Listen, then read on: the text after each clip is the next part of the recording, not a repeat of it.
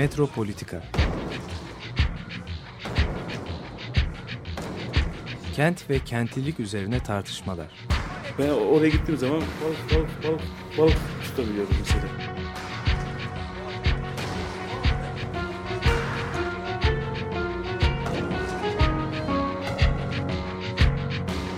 Hazırlayıp sunanlar Aysim Türkmen, Korhan Gümüş ve Murat Güvenç. Takusu yok yani. kolay kolay boşaltamadı. Yani elektrikçiler terk etmedi Perşembe Pazarı. Günaydın sevgili Açık Radyo dinleyicileri. Ee, Bugün Korhan Gümüş ve Murat Güvenç ile beraber yapıyoruz programı. Ee, Geçen hafta ben e, Açık Radyo'ya geldiğimde öğrendim Donald Trump'ın kazanmış olduğunu. Ve e, diğer programcılarla biraz e, hüzünlü dönen bir e, zaman geçirdik. E, batsın bu dünya. Evet, Arabeskine Programa doğru girmeden neredeyse. önce olduğunu söylemen lazım. Programa bunu. girmeden önce evet. Evet. Ee, geçen haftaki de- programı da biraz aslında böyle hani şok içinde Evet, ben evet. yaptım.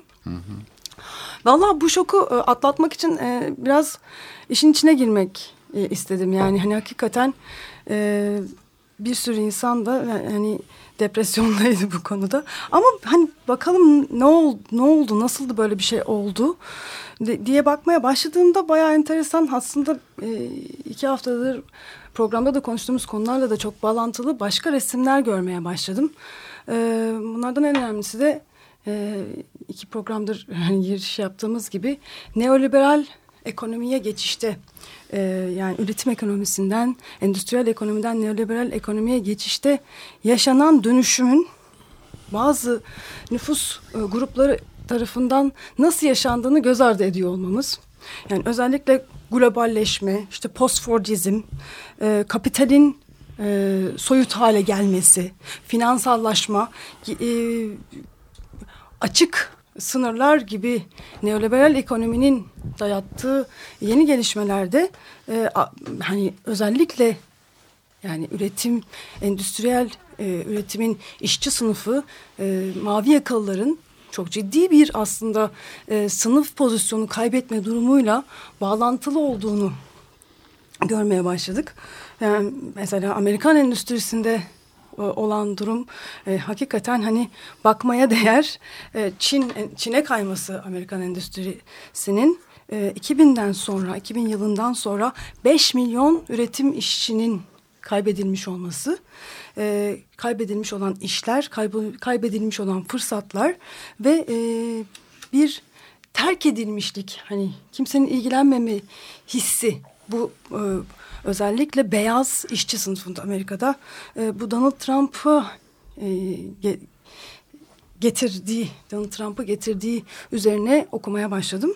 Tam da bunu okurken ee, geçen e, yaz e, evrensel kültürde yazmış olduğum e, bir yazı aklıma geldi. Ben de arabesk rap üzerine yazmıştım. E, Orada aslında Türkiye'deki e, neoliberal ekonomiye geçişte oluşmuş olan yeni işçi sınıfından ve yeni işçi sınıfının e, zevklerinden bahsederken e, rednecks, queers ve country music yani e, gayler, e, rednecks, taşralılar, e, kırmızı enseler yani argo tabiriyle ve country tarzı müzik üzerine bir kitap aklıma geldi. E, Nadine Hobbs'ın yazdığı bir kitaptı bu ve burada e, orta sınıflaşmış olan e, gay e, nüfusla e, taşralı özellikle beyaz Amerikalıların country müzik dinleyen beyaz Amerikalıların arasındaki kültürel savaştan bahsediyordu.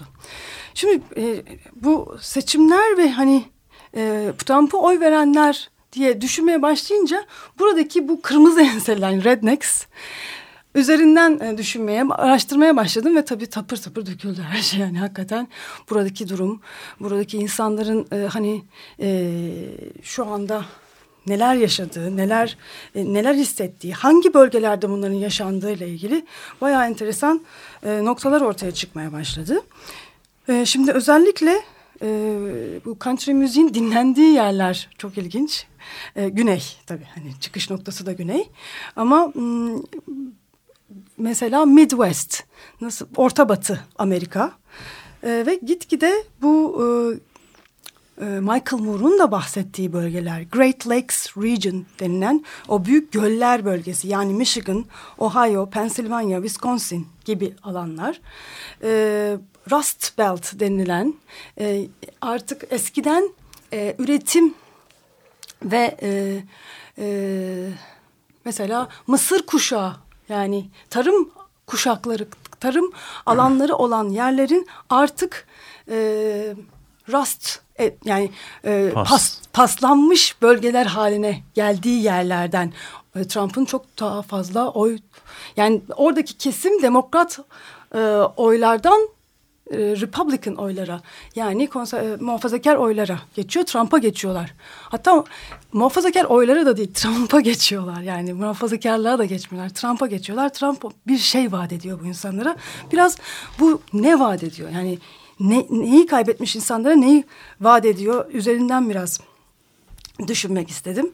E, şimdi e, bu e, işi kaybetmiş olan e, yoğun nüfusu e, Clinton e, ve e, Obama'nın verdiği seçenek welfare sistem yani sosyal yardım sistemi. E, bu 1983'te 40, 42 milyonken nüfusun yüzde 18'ine tekabül ediyorken sosyal yardım olanların oranı e, 2012'de 109 milyona çıkıyor yüzde 35'e çıkıyor yani iki katı artıyor. Şimdi burada e, enteresan bir durum var yani aa, ne kadar aslında hani bir yandan da yardım ediyor diye biz düşünebiliriz. Yani, ah neredeyse sosyal devlet oluyor. Bu Amerikan e, rüyasını gerçekleştirdiği söylenen yani Amerikan endüstrisini kurmuş o, olduğunu düşünen o endüstriyel sınıf için işçi sınıfı için aslında bir gurur kurucu nokta. Yani devlete bağımlı olarak yani bir işçi olmadan, iş sahibi olmadan kendi çalışkanlığını, kendi yaratıcı, yaratma ve üretme kapasitesini ortaya koymadan sadece devletten e, hani e, kendinin de aşağıladığı sınıflar gibi yardım alıyor olmak acayip gurur kırıcı bir nokta. Şimdi bir defa bu acayip önemli bir şey e, nüfusun psikolojisi, politik psikolojisi açısından. Ee, ayrıca başka e, durumlar da var. E, ciddi bir bu bölgelerde e, sendikasızlaştırma şey görüyoruz. Yani neoliberal ekonominin e, enteresan bir şeyi. E, yani sendikasız, sendikasızlaştırıyor, sendikadan çıkarttırıyor, sendikaları kapatıyor ve sosyal yardım şeyine geçiriyor. Bu yani bu da çok acayip bir e, hani demokrat e, oyların e, boşa çıkmasına sebep oluyor. Tam da bu noktada e, orta sınıfın dinamiklerinin çok e, önemli bir rol oynadığını görüyoruz. E, bu bahsettiğim kitapta da zaten biraz bundan bahsediyor. Yani bu gaylerin orta sınıflaşmasından yola çıkarak e, yeni orta sınıfın yani neoliberal ekonomide aslında e, beyaz e, beyaz yakalı e, işçilerin işçi saymak e, ne kadar doğru bilmiyorum ama beyaz yakalıların e, kendilerini bu bu işçi sınıfından yani eskiden işçi eskiden işçi sınıfı sayılan sınıftan tamamen ayrıştırma stratejileri geliştirmiş olmalarından bahsediyor. Yani e, özellikle country müzik üzerinden bunu o anlatıyor ama bir sürü alanda bunu so konuşabiliriz. E, aşağılayan, yok sayan, alay eden bir tutum. Ee, neden bahsediyorum? Aslında mesela şu anda Shameless dizisi var. Utan, Utanmazlar diye bir dizi var. Ee, dinleyicilerimizin bazılarının bu diziyi seyrettiğini tahmin ediyorum. Mesela bizim evde seyrediliyor. Yani bir sürü arkadaşım da arkadaşım da bu diziyi çok sevdiğini biliyorum. Mesela burada white trash yani o beyaz çöp sınıfının e, üzerinden ciddi bir alay mekanizması. Hem anlatıyor hem şey yapıyor hem gösteriyor, temsil ediyor ama hani mesela adı bile utanmazlar. Hani böyle bir e, yani bu sınıfa karşı çok enteresan bir tavır var. Yani neredeyse bir savaş açılmış durumda. E, burada medya çok ciddi bir rol oynuyor. E, şimdi bu tavra e, orta sınıfın kendisini e, bu sınıftan ayrıştırarak bir yandan da neoliberal o global değerlerin bir parçası işte New York değerleri dediğimiz işte butikler, kafeler, e, işte yeni tarz metropolitan, kozmopolit yaşamı, e, ilerici o yaşamı e, çok rahat benimsemiş. Bunun içinde yaşayan bizler yani bu anlamda hani farkında bile olmadan bu sınıfı nasıl aslında yok sayıp iti, iteliyoruz hani yok sayıp aşağılıyoruz ve bu sınıf asla kendini artık bu ilerici kozmopolitan haklara dayalı e, yaşamın söylemin parçası artık hissetmiyor. Yani burada izleri silinen, işaretleri silinen bir alt tabaka var. Bu orta sınıf ile ilişki karşıtlığı üzerinden aslında bir mucize gerçekleştiriyor. Tam da şeyle ilişkilenmeye başlıyor. Yani efendisinin şeyini benimsemeye başlıyor. Evet. Ters yüz oluyor. Yani burada bir evet. sınıfsal burkulma gerçekleşiyor. Semptomatik acayip, bir şekilde bir şey. şey sınıf e, şeyi siyasete evet. ters yüz olarak yansıyor. Kesinlikle. Yani Bu çok so enteresan bir evet. şey. Evet. Yani Türk... sol e, evet. sol tamamen orta sınıf ilerici kozmopolit e, or, e, ile e, ortaklık kuruyor. E, işçi sınıfı temelini temelinden uzaklaşıyor. Sendikal temelinden uzaklaşıyor. Aynen Türkiye diyeceksin diye korktum. Ve e, burada güruhlar aslında e, kendilerini hakikaten e, yani bağlanacak bir temel bulamamakla birlikte boşlukta hissediyorlar. Hani bize kimse sahip çıkmıyor halindeler aslında. Ve burada bir de şey var. Bu da çok önemli olduğunu düşünüyorum orta sınıfın iki yüzlü olduğunu söylüyorlar. Hem aşağılayıcı olduğunu söyler ki bunu hani e, hani demin anlattık biraz ama bir de iki yüzlü olduğunu söylüyorlar. Şimdi burada çok acayip başka bir nokta daha var. Ee, orta sınıf aslında e, yani bu mesela Shameless dizisine utanmazlar diyerek işte aşağılayarak dalga geçerek parodileştirerek aslında kendi yaptığı e, yani dışlama mekanizmalarını sanki onlar yapıyormuş onlar taşralıymış, onlar bağnazmış gibi de gösteriyor. Aslında e, neoliberal e, kurumlarda içselleştirilmiş olan bir sürü ırkçı, cinsiyetçi e, söylemleri ve hani e, oluşumları yokmuş gibi gösterme mekanizması olarak alt sınıfı böyleymiş gibi gösteriyor. Bu yüzden de iki yüzlü deniliyor aslında. Bir şey var yani e, politically correct olma durumu. Yani görüntüde bütün kurumlar bu olmak zorunda ve e, bu oynanıyor, bu oyun oynanıyor ama aslında gerçekte böyle değil. Hani bu e, bu beyaz işçi sınıfı aslında bunu söylüyor. Bu böyle değil aslında. Hani bizi böyle gösteriyorsunuz ama siz burada tamamen ikiyüzlü davranıyorsunuz diyorlar. Tam da bu noktada demin dediğin gibi yani sahici olan Trump diyorlar. E hani, tabii e, öbürkü akıl, taklit gibi yani.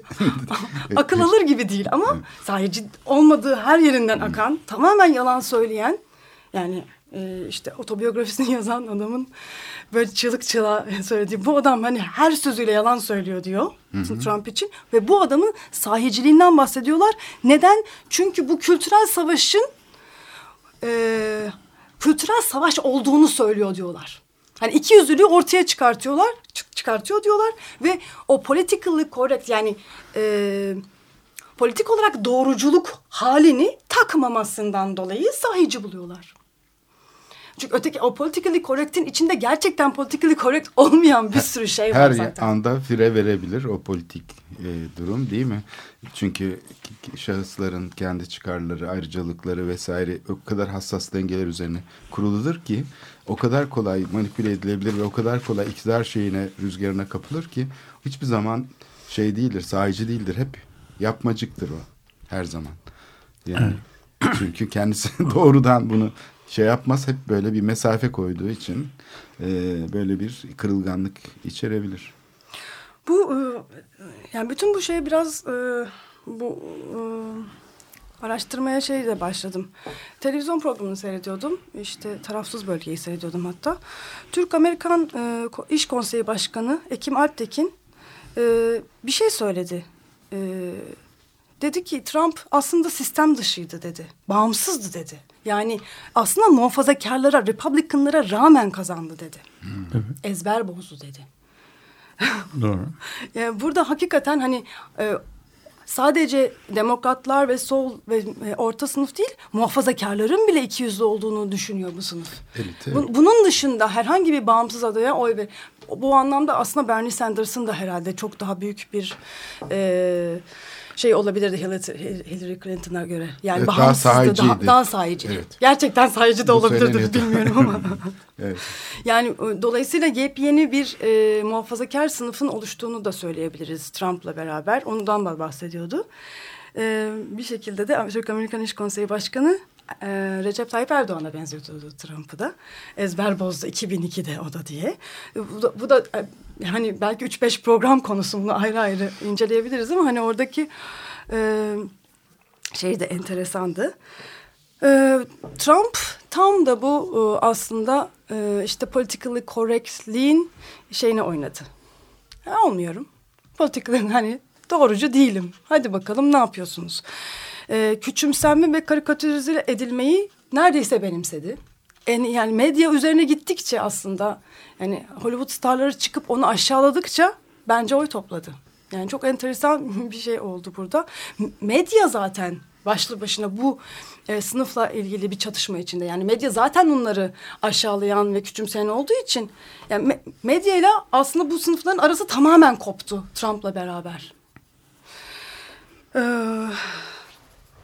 yani burnu havadalığın sembolü, bir kültürel savaşın sembolü olarak e, bu şeyi kırdığı için bambaşka bir şey yarattı. Şimdi biraz e, bu e, e, kozmopolitlik meselesinden de e, devam etmek istiyorum. Şimdi bu e, kaybedilen e, e, işlerin yani mesela siz e, ne bileyim e, Chicago'da yaşıyorsunuz. Üretim alanları kapanıyor ama Chicago şehri aslında şehir e, yani e, kentsel bir sürü imkan bu kaybedilmiş işlere e, işlerin yerine başka imkanlar sağlıyor. Şehirler, büyük şehirler, metropoller bunu sağlıyor. Ama küçük şehirler bunu asla sağlayamıyor. Yani mesela Detroit'ten bahsedelim. E, bir e, bir sektör tamamen oradan e, çıktığı zaman orada başka alternatif iş imkanı kalmıyor. Şimdi başka e, küçük bir imkanı olanlar zaten orayı terk etmeye başlıyorlar. Terk etmeye başlayınca buradaki emlak fiyatları düşmeye başlıyor. Yine gidebilen gene gidiyor ama satamayan orada da tamamen saplanıp kalıyor. Yani hani hiçbir yere gidesi yok, gidebilme imkanı yok. Ee, halbuki şehirde ne var? Hani bir yerde eğer barınamazsanız daha ucuz başka bir yere kaçma şansınız var. Hemen yani hızlı hareket etme e, şeyi sağlıyor metropoller. Büyük metropoller ama küçük şehirlerde bunu yapma ihtimali bile yok. Dolayısıyla hani gitgide bu şehirler ölü şehirler haline gelmeye başlıyor.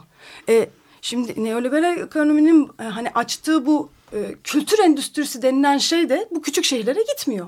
Yine hani kafelerini, barlarını, işte tiyatrolarını, sergi salonlarını büyük şehirlerde açıyor. Yani küçük şehirlerde ne kalıyor? Program başında bahsettiğimiz country music, e, kilise, başka yerlerde de belki belki mesela Paris'ten bahsedersek, Paris e, getolarından bahsedersek, Paris suburblerinden bahsedersek camiler kalıyor. Yani burada e, hakikaten e, bu yani kozmopolit yaşamın artık olma ihtimali orada kalmıyor. Hani bütün temeli oradan çıkmış oluyor. Da, daha da içine kapanıyor dolayısıyla oradaki e, nüfus. Şimdi e, sol burada e, sol söylemler e, tamamen aslında kozmopolit ve ilerici gördüğü şehir e, üzerinden çözümler üretiyor. Buralardan e, hareket ediyor ilerici olmak adına. Ancak bu kendi içine kapanmış olan işçi sınıfını tamamen kaybediyor. Yani solla bütün e, şey e, ilişkisini kesiyor. Bu sadece işte Amerika'da değil e, diyorlar. Brexit'in sebebi de bununla bağlantılı. Yani Avrupa Birliği'nin hak temelli o politik olarak doğruculuğu da hiçbir şey hiçbir şekilde bu insanlar artık dokunmamaya başlıyor. Yani yıllarca İngiliz işçi sınıfına oy vermiş olan insanlar çıkmak istiyorlar Avrupa Birliği'nden. Çünkü onlara artık hizmet etmiyor. Onların hiçbir şeyi yok. Bununla bir ilişkisi yok. Belki Brexit'i de ayrı bir şekilde inceleriz. Çünkü burada e, çok ilginç. Bu anlamda ilerici gündem, kozmopolitizm, ilerici gündem işçi sınıfının gündemi olmaktan çıkmış durumda. Yani bu çok üzücü ve hani işçi sınıfının nereye kaydığını da görebiliyoruz.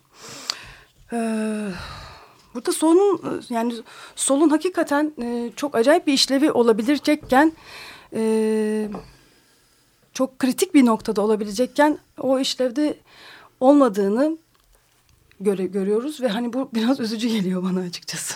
Ama sınıf meselesi her zaman komplike bir şeydir. Bunu Marx zaten başta kendisi söylemiş.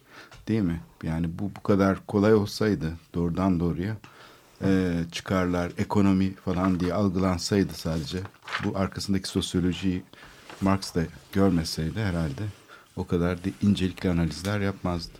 Evet. Ee, sınıf e, burada solun e, bir sınıf temsili kalmadığını aslında bir kültürel temsile döndüğünü, kültürel savaşlarda yani e, bir şeye yansıtmaya başladığını görüyoruz. Bu enteresan aslında yani solu da tanımlamak açısından, sola da tekrar bakmak açısından önemli. İşçi sınıf ile ilişkisi kalmadı ama e, ilerici gündemin bir parçası. Yani burada o zaman kültürel başka bir yerde sol de, yeniden var oluyor. Orta sınıfa da daha yakın duruyor. Aslında ulus devletler bu şeyi yarattı ilk başta belki de. Yani sanayileşme ile birlikte 19. yüzyıldan itibaren değil mi ee, bir bütünlük iddiasıyla karşı karşıya geldi topluluklar. Yani işte milletler olarak. Oysa ki kendi içlerindeki bu asimetriyi, bu çelişkileri, sınıf çelişkilerini karşıtlıklar üzerinden dönüştürdüler. Yani semptomatik olarak sınıf mücadelesi bir kültürel mücadele şeklinde algılandı. Ve çok şiddet yaşandı bu, bu yüzden de. Yani İkinci Dünya Savaşı öncesi koşullara çok benziyor sanki bu anlattıkların değil mi? Çok üzücü ama evet yani insan aklından e, çıkmıyor o benzetme. Yani hakikaten e, hani Almanya'daki insanların ne hissettiği, ne yaşadığı, e, hani nasıl e, orada var olan muazzam ilerici bir kültür şey 30'larda 40'larda hani Frankfurt School'un olması hani müthiş bir e, sanatsal e, avantgard akımların çıkması hani ve bu, bir, ve anda, bir anda bu bu akımlarla Hı. hani e, işçi sınıfının bütün ilişkisinin kopuyor olması. Evet. Ve, bu, ve gelen mahşet. Yani böyle sanki dünya bir şiddetli şeye dalgasına girmiş gibi e, böyle karşıtlıklar üzerinden sorunlarını çözmeye başlayan. Çünkü liderler çözüm süreci işte barış falan derken şimdi şiddet şiddet şiddet demeye başladılar. Yani her tarafta böyle bir şey var. Yani bunu söylemedikleri zaman e, kendi şeylerini koruyamıyorlar. E, tabanla ilişkilerini koruyamıyorlar. Yani biraz belki abartmış olabilirim hani abartıyor olabilirim ama orta sınıfta da acayip bir şiddet vardı aslında. Ben mesela hani çok hani ilerici gözüken hani aslında çok şey gözüken ben bunu yani Türkiye'de yani özellikle siteleşmede e, çok net gördüm. Yani nasıl dışlayıcı olduğunu, nasıl bir hani aşağılayıcı olduğunu, sitenin dışında kalmak zorunda kalan, asla içeri giremeyecek olan insanlara yarattığı şiddetin boyutunu yani hiç konuşulmadı doğru düzgün aslında. Hani bu da hani çok önemliydi yani. Hani bu dışlama mekanizmaları yani bu sadece mekansal ve görünür olandı. Hani bu bambaşka şekillerde de bu şiddet vardı aslında. Neoliberal sistemin içinde bu şiddet başka şekillerde vardı. Şimdi daha vahşi şekillerde ortaya çıkacak gibi gözüküyor maalesef bir tür kapalı e, şey alanı. Yani dünyayı kendisinden it, e, ibaret zanneden bir şeye dönüşüyor. E, bencilik ortamı gibi. Hepimizin içine doğduğu ortam aslında böyle bir şey. Evet bu bahsettiğim e, kitaptan kitapta e, enteresan bir e, şey vardı. E, Foo Fighters diye e, LGBT e, e, gay bir e, müzik topluluğu. E, redneck diye adlandırdığımız taşralı bu işçi sınıfını e, ve country müziği e, alaya alan bir e, video, bir müzik parçası ve bir video klip çekmişler. Bunun adı da Keep It Clean. Bu video klibi de e, hani ilgilenenler seyredebilirler. Enteresan. Bir yandan bu homofobik gay karşıtı olan gruplar ellerinde dövizlerle işte kentimizi şeylerden temizleyeceğiz. Gaylerden temizleyeceğiz. Burada gaylere yer yok diye pankartlar açmışlar. Diğer yandan e, bu Foo Fighters kendilerini işte redneck e, haline sokmuşlar ve bir e, e, arabanın üzerinde tam onlara karşı bir şekilde bu country müzik parçasını söylüyorlar. Şimdi bunu dinliyoruz. Foo Fighters'tan Keep It Clean.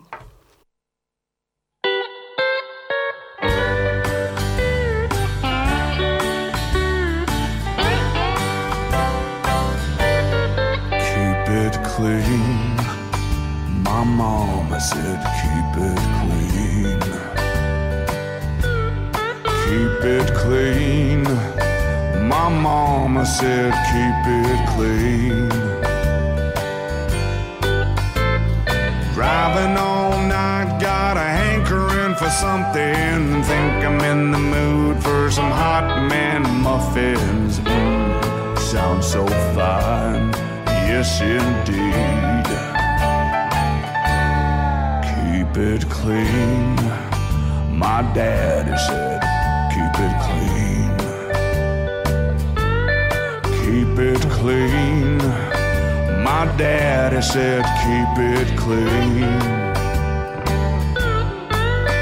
Ain't looking for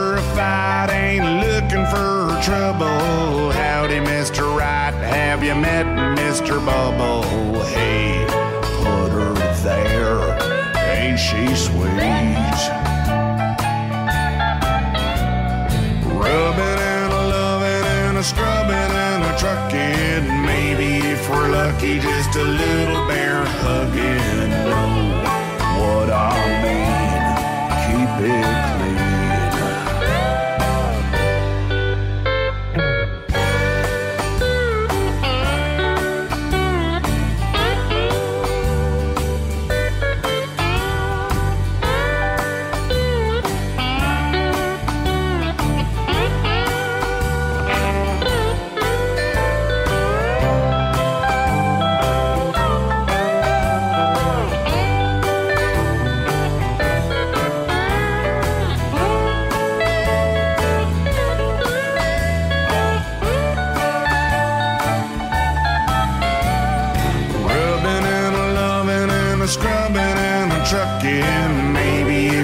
If just a little bear hugging. Know what I mean?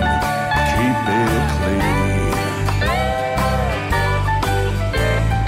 Rubbing and loving and scrubbing and trucking. Maybe if we're lucky, just a little bear hugging. Know what I mean? Keep it clean. Evet Foo Fighters'dan dinledik. E, Keep It Clean.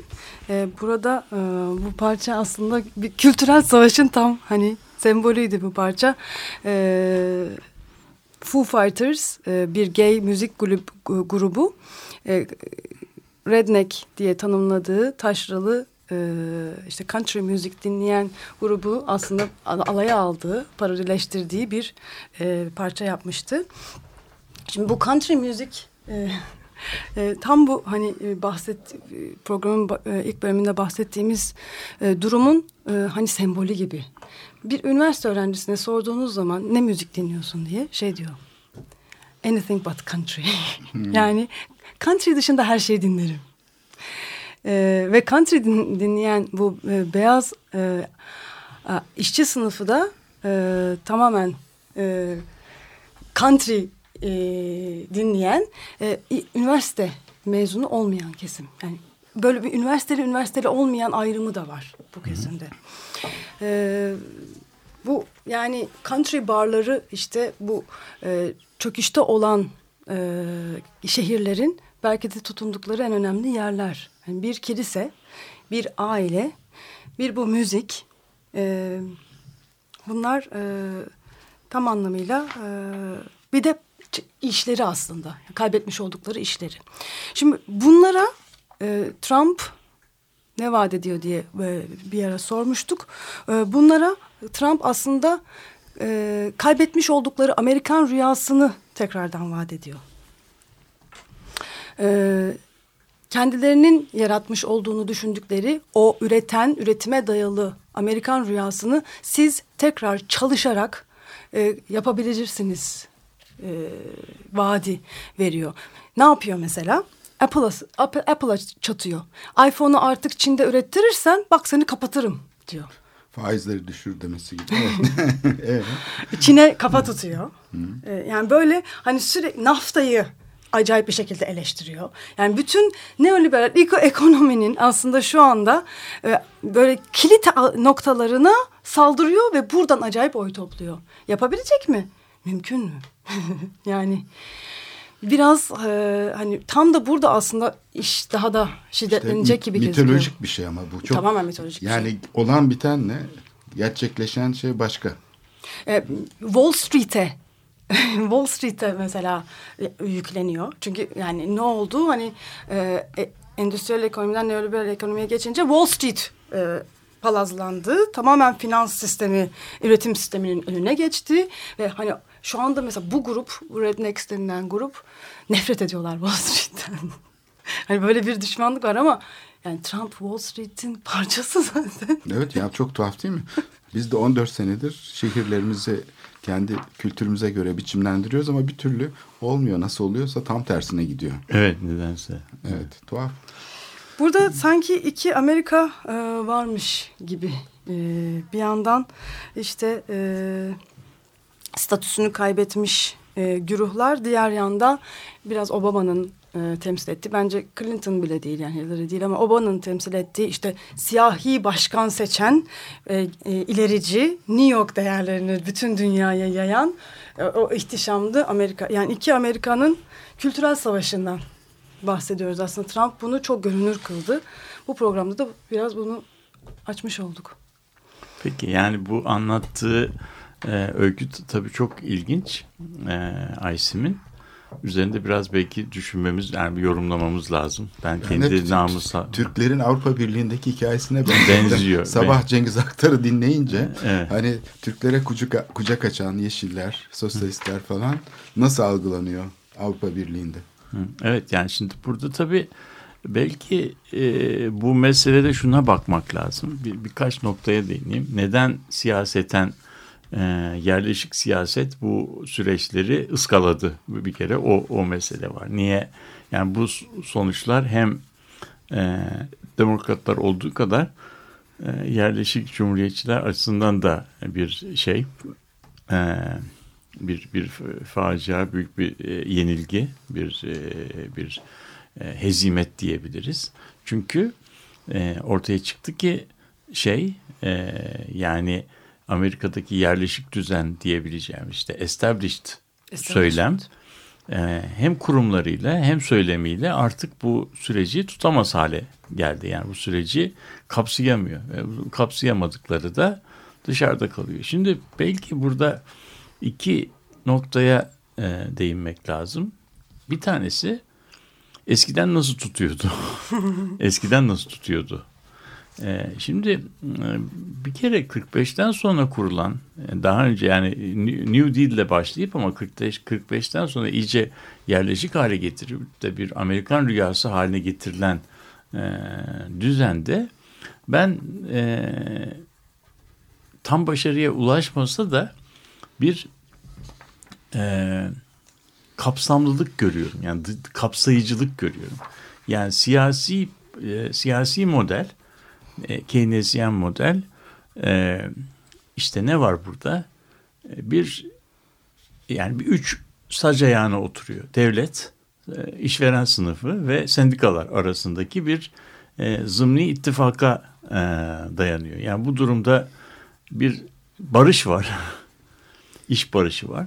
Bu iş barışında e, şeye deniyor ki e, işçi sınıfına e, siz uyumlu olursanız ve de e, bu toplu sözleşmelerin size getirdiği e, şeylerle yetinirseniz e, ücret artışları getir, getirirseniz biz e, size her toplu sözleşmede diğer sözleşmede olduğundan yüzde beş, yüzde yedi pozitif e, gelir artışı vereceğiz. Şimdi devletin bu işte çıkarı ne? İşler iyi gittiği zaman devletin tabii acayip e, vergi gelirleri artıyor. İşler iyi gittiği zaman e, devlet ekonomiyi iyi kapsadığı zaman, iyi yönettiği zaman da şeyler patron sınıfı, işverenler e, yatırımları karşısında iyi getiriler elde ediyorlar. Yani bu aslında e, üç taraflı bir kazan kazan kazan oyunu. Böyle bir oyun. Tabii bu oyunun e, sürebilmesi için de e, Amerikan hegemonyasının dünyada sürmesi gerekiyor. 1958-59 e, sonunda Eisenhower'ın şeyden ayrıldığı dönemde işte Amerikan Cumhurbaşkanlığından ayrıldığı dönemde de işte bir e, e, endüstriyel ve askeri komplekse dikkat çekiyor. Diyor ki bu şimdi burada bir refah içinde yaşıyoruz ama bu refahımız de ekonomimiz giderek askerileşiyor yani endüstri askerileşiyor. Askerileşen bir endüstride Amerika'da işte dış politikada egemenlik e, konusunda e, özgürlük konusunda bağlayıcı oluyor. Bu, bu konuda bir seçmenlere dikkatini çekiyor. Bakın giderek daha askeri bir ekonomi kuruyoruz diyor. Şeyin öyküsünü biliyoruz. Öykünün sonu 63 yılında işte Küba meselesi, sonra Vietnam Savaşı'nın e, önem kazanması ve sonunda dünyanın geldiği noktayı da söylemeye gerek yok. Sonunda bu sistem çöktüğü zaman da yerine yerine gelen e, yeni yöntem biraz şey gemisini yürüten e, kaptan modeli. Yani bu noktada artık o eski e, toplumsal kapsayıcı iktisat politikasından kopuluyor ve e, artık şehir olmaktan çıkıyor. Şehirler de ikiye ayrılıyorlar. Bir tanesi bu küresel ekonomiye uyan uyan şeylere küresel şehir, e, o uymayanlara da işte geri, geri kalan yani geri kalan Rasbel. Şimdi burada e, bütün e, şey siyasi söylem bu kazananlar üzerinden okunuyor. Yani şehirler nasıl devletin sınırlarını aşarak kendi aralarında ittifaklar kuruyorlar ve e, nasıl böyle bir şey yeni ekonominin motoru haline getiriyorlar. Bunu meselenin hikayesi biliyoruz.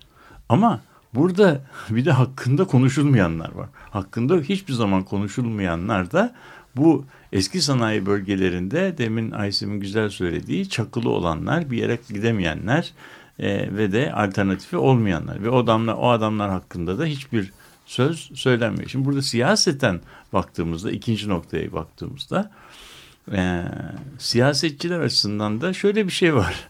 Bunu bu bölgeler daha çok işte Amerika'nın taşrasında. Bunların iki türüsü var.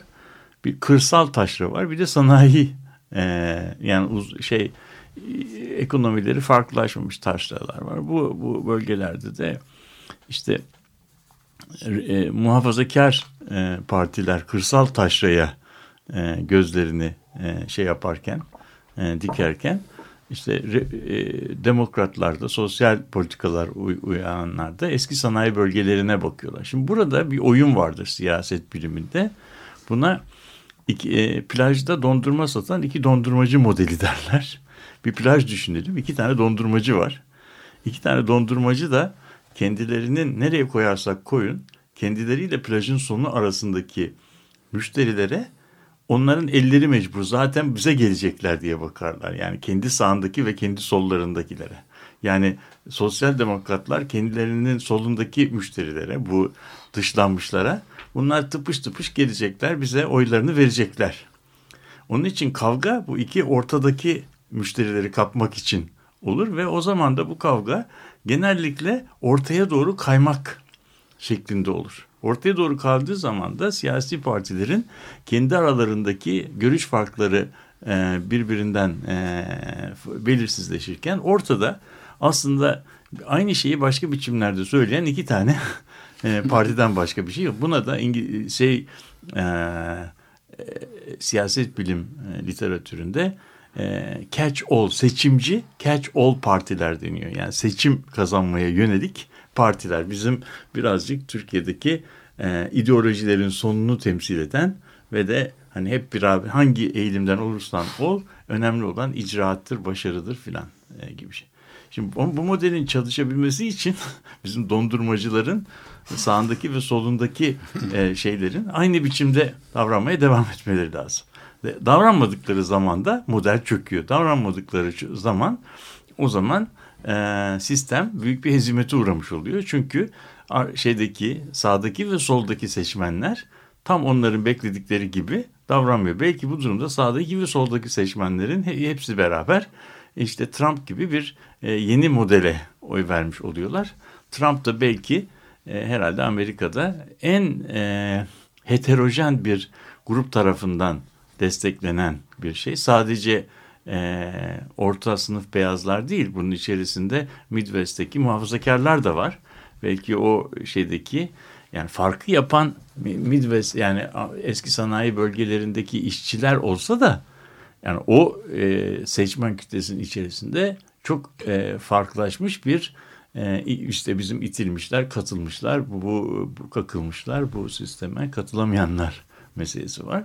Bu da birazcık ben bunu şey gibi görüyorum. Yani e, bu modelin, yeni modelin, neoliberal modelin e, Keynesçi ekonominin, kalkınmacı modelin öngördüğü kadar bile sosyal bir boyutunun olmamasıyla. Yani tamamen kazananlara kazananlara odak olması. Kaybedenlere de e, onlar da başlarının çaresine baksınlar. Onların sorunları da çok alışık olduğumuz gibi yitirenin yani mazlumun suçlanmasıyla ilgili. Onlar da tembellik yapmasalardı. Onlar da duruma uyum yapmayı becerebilsinlerdi türündeki hani İngilizce'de blame the victim vardır ya yani bu işten mazlum olanın şey olması. Ama gördük gibi şu anda hem Brexit olayında hem de burada e, bu dışarıda kalanların sayıları bazen um, umulmadık büyük boyutlara şey yapıyor ve o da bizi e, bu tür beklenmedik olanlara şey yapıyor. Şimdi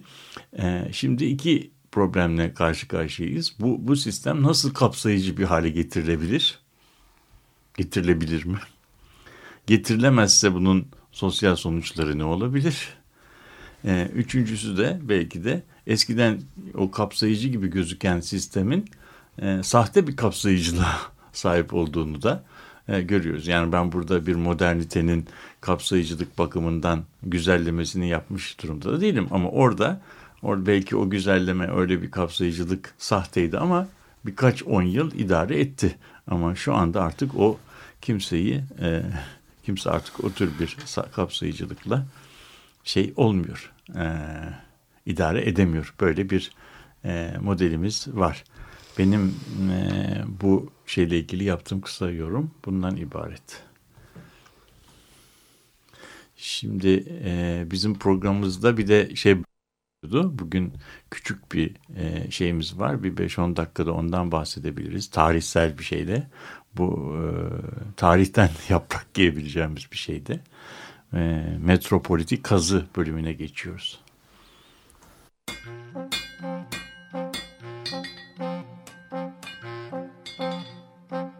Metropolitik kazı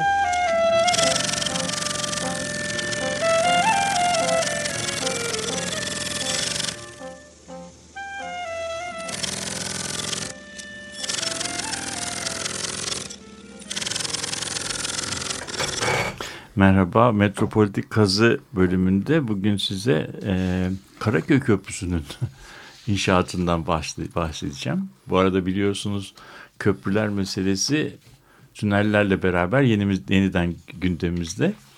E, Hangi Galata Köprüsü'nden? Yani bu e, bugün görmediğimiz, bugün e, Sütlüce civarlarında para, küçük parçalarının hala e, kopuk kopuk yüzdüğünü gördüğümüz bazı amaçlarla yani fuar amacıyla falan kullanılan o eski Alman köprüsü İstanbul'da Man, Man, Man e, şirketinin yaptığı maşinen e, onun bir şey var. Maşinen Fabrik Augsburg e, denen bir e, şir fabrikasının ürettiği bu köprünün öyküsünü anlatacağım. Ee, bu köprü nasıl yapılmış, ne, ne yapılmış on, onunla ilgili olarak. İstanbul'da bu köprü aslında kendinden evvel kurulmuş üçüncü köprü. Ondan evvel iki tane köprü varmış. Ee, belki dördüncü demek daha doğrusu. Dördüncüsü ilk olarak şeyde kurulmuş. Ee, Unkapanı tarafında kurulmuş. Fakat e, 1850'lerden sonra giderek bu e, Karaköy ile Eminönü arasında bir köprü kurma ihtiyacı ortaya çıkmış. Şimdi bir kere e, bu burada bu köprü ihtiyacı nereden çıktı diye bakmak e, çok önemli. E, şehir 19. yüzyılda 3 e, kat nüfusu artıyor ve bu nüfus artışıyla beraber de nüfus artışının büyük bir kısmı da Beyoğlu yakasında oluyor. Beyoğlu yakasında olduğu zaman da kentin dış ilişkileri çok gelişiyor. Ee, İstanbul bir ithalat merkezi haline geliyor. Ee, ve nüfus, bu nüfus artışının büyük bir kısmı da Beyoğlu yakasında oluyor. Beyoğlu yakasında olduğu zaman da şehrin merkezi giderek şeye doğru, e, Beyoğlu yakasına doğru kayıyor, nüfus artıyor. İlk orada şey yapılan, e, hissedilen şey oradaki nüfus artışı e, bir sıkışma duygusu. Çünkü Beyoğlu yakasının 18 19'un başında etrafında surlar var. Surlar şehri sıkıştı. İlk yaptıkları şey surları yıkıyorlar. Ondan sonra e, kenti Beyoğlu yakasına doğru e, geliştirmek istiyorlar. Bir büyük problem kar karşılarına çıkıyor. Meyil. Meyili aşmak için tüneli yapıyorlar. 1870. Tüneli yaptıktan sonra e, biraz rahatlama oluyor ve fakat e, Beyoğlu yakasında nüfus arttıkça bu sefer Eminönü ile Eskişehir ile Yenişehir arasında bir e, köprü ihtiyacı e, doğuyor ve bunu farklı biçimlerde yapıyorlar. 1907 yılında burada bir e, köprü yeni baştan yapmak e, ihtiyacı doğuyor. Eski köprüler e, tahtadan araba geçişine çok elverişli şeyler değil. E, ve yani artık yeni şehir formuna ve Beyoğlu yakasına taşınmış sarayın gerektirdiği iki yaka arasındaki bağlantıya elverişli bir köprü ihtiyacı duyuyor. Bu köprüyü nasıl yapacağız e, konusunda Almanlarla e, görüşmeler yapılıyor ve bu Alman fabrikasıyla bir köprünün e, köprünün neye benzeyeceği konusunda bir e, mukavele yapılıyor, bir anlaşma yapılıyor. Bu anlaşma e, bugünkü yap işlet devret anlaşmalarından tamamen farklı bir anlaşma. Burada köprünün neye benzeyeceği, ne yapılacağı, e, içerisinde e, nasıl olacağı tamamen e, işin sahibi Osmanlı hükümeti oluyor. Ve Osmanlı hükümeti adına da bu köprüyü imzalayan şey oluyor. E, Bahriye Nazır tarafından imzalanıyor. En büyük korkuları da bu yapılacak köprünün daha sonra e, kentteki ulaşım sistemi üzerine bir problem yaratması. Yani getirdikleri çözümün şehrin trafiğini e, sıkıştırmaması nedeniyle şehrin en geniş bulvarından daha geniş bir köprü tasarlıyorlar. Yapıldığı zaman İstanbul'da 25 metre e, genişliğinde hiçbir cadde yok. 25 metre genişliğindeki caddeyi köprü üzerinde tasarlıyorlar. Sokak yani üzerinde trafiğin geçeceği kısım 15 metre ve yayalar için her iki taraftan da 5,5 metrelik yürüyüş yerleri tasarlanıyor. Bunun bütün tasarımı, köprünün bütün tasarımı en ince detayına kadar Alman şirketine belirleniyor ve Alman şirketinden de bunu çok santimetresine e, 500 kilo e, yük taşıyabilecek yumuşak çelik dedikleri yani esnek, flexible e, çelikten e, imal edilmesi. İki de en az üç kat boyanması. Bu son üç kat boyanın iki katının İstanbul'da vurulması gibi son derece sıkı şeylerle, e, koşullarla bu e, Alman şirketine e, ısmarlanıyor. Alman şirketi de bunu parça parça yapıp trenlerle, vapurlarla İstanbul'a getirip bunları burada İstanbul'da birbirine bağlayıp şey yapıyor. İlk ilk e, izlenim çok korkuyorlar bu köprünün e, dubalarından. O güne kadar hiç e, görmedikleri büyükler büyüklükteki dubalar ve e, korktukları şey bunlar patlarsa delinirse bu köprü batar diyorlar. Halbuki bu dubalar da parça parça yapılmış içine su geçirmez vaziyette çok emniyetli e, dubalar. Sonunda bu inşaat içerisinde bir ek bir köprü maliyetinin yüzde yirmisi kadar bir ek bir proje yapılıyor. Diyorlar ki bu köprünün üzerinden bir de tramvay geçirmesi istiyoruz. Tramvay geçmesi için de köprü maliyetini yüzde kırk daha fazla artırıyorlar ve böyle bir köprü e, köprüde ısmarlandıktan iki e, sene sonra imalatına başladıktan sonra bir yıl sonra harpten önce e, İstanbul'a e, getiriliyor. Ve böyle e, geldiği zaman üzerinde vapurların yanaşabileceği, yayaların ya, e, rahatça yürüyebileceği, tramvayların geçebildiği ve kentin belki de kamusal alanı olarak en e, önemli bir parçası e, kazanılmış oluyor. En değerli e, kamu alanıdır köprü. Evet. Geçmişte. Yani içeri içerisinde kira getirisi evet, açısından. İçerisinde insanların üzerine vapurların yanaştığı, insanların şehri gördüğü muazzam bir eser elde ediyor. Şimdi buradaki yaklaşımı ben bize niye anlattım? Ee, bugünkü köprülerimizde biz bu duyarlılıklara acaba sahip miyiz? Bugünkü köprüler hakkında bu kadar e, paylaşıyor muyuz? Bunları üzerinde düşünelim diye konuştum. Tekrarlayalım o zaman hocam. Konuşmaya devam edelim Konuş köprüleri. Köprüleri. Programın sonuna geldik. Ee, bir yandan Amerikan seçimlerini konuştuk. Bir yandan da İstanbul'un bir kamusal alanı olarak köprüyü konuştuk.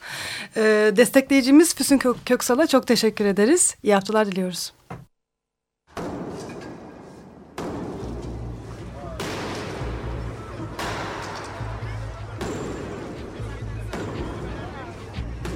Metropolitika Kent ve kentlilik üzerine tartışmalar. Ben oraya gittiğim zaman balık balık balık balık tutabiliyorum mesela.